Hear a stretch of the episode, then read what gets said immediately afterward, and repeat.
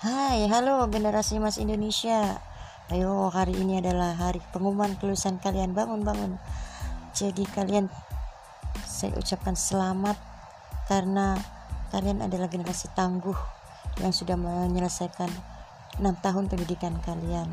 Namun tahun ini banyak sekali cobaan dimulai dari pandemi corona yang membuat kalian harus berjibaku dengan home learning yang sangat memusingkan itu. Tetapi hebat kalian sudah bisa melaluinya dan hari ini kalian patut berbangga dan patut berbahagia karena telah lulus dari semua cobaan itu.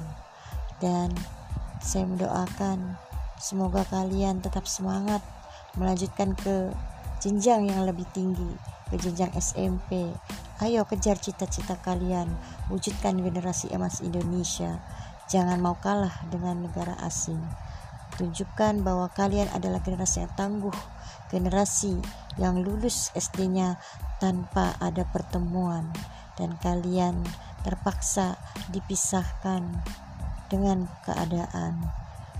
Berdoa saja semuanya, semoga semuanya ini segera berlalu dan kita bisa berkumpul lagi dengan teman-teman, dengan guru-guru di sekolah yang kalian cintai. Semoga semua cita-cita kalian tercapai di masa depan. Wujudkan generasi emas Indonesia tahun 2045. Indonesia jaya selalu.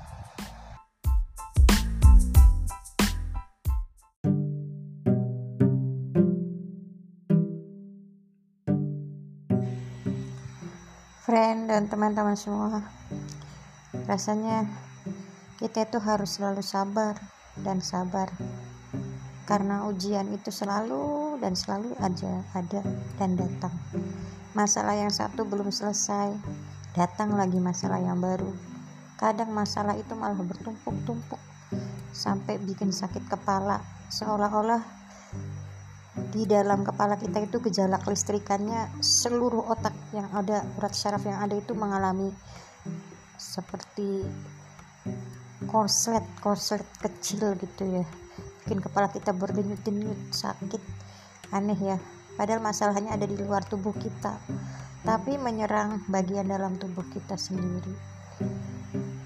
Cuma satu yang harus kita sadari bahwa kita nggak boleh berputus asa dari rahmat Allah karena setiap masalah itu adalah ujian dan kita nggak akan diberi ujian kalau melewati batas kemampuan kita dan Allah itu memberi ujian supaya kita itu bisa menunjukkan apakah kita tetap beriman, tetap percaya kepadanya atau kita malah menyalahkan Tuhan. Tuhan, kenapa saya dikasih masalah seperti ini? Ya Tuhan, kenapa saya harus begini? Kenapa si A begitu? Kenapa saya begini? Dan seterusnya. Jadi anggap aja semua itu ujian dan kita harus sabar dan harus menunjukkan bahwa kita bisa melewatinya bahwa kita bisa tetap percaya kepadanya bahwa kita tetap mau beriman dan beribadah kepadanya dengan setulus dan segenap hati kita. Ya jadi mari kita banyak bersabar apalagi di masa pandemi corona ini yang segala aspek kehidupan kita benar-benar penuh dengan ujian.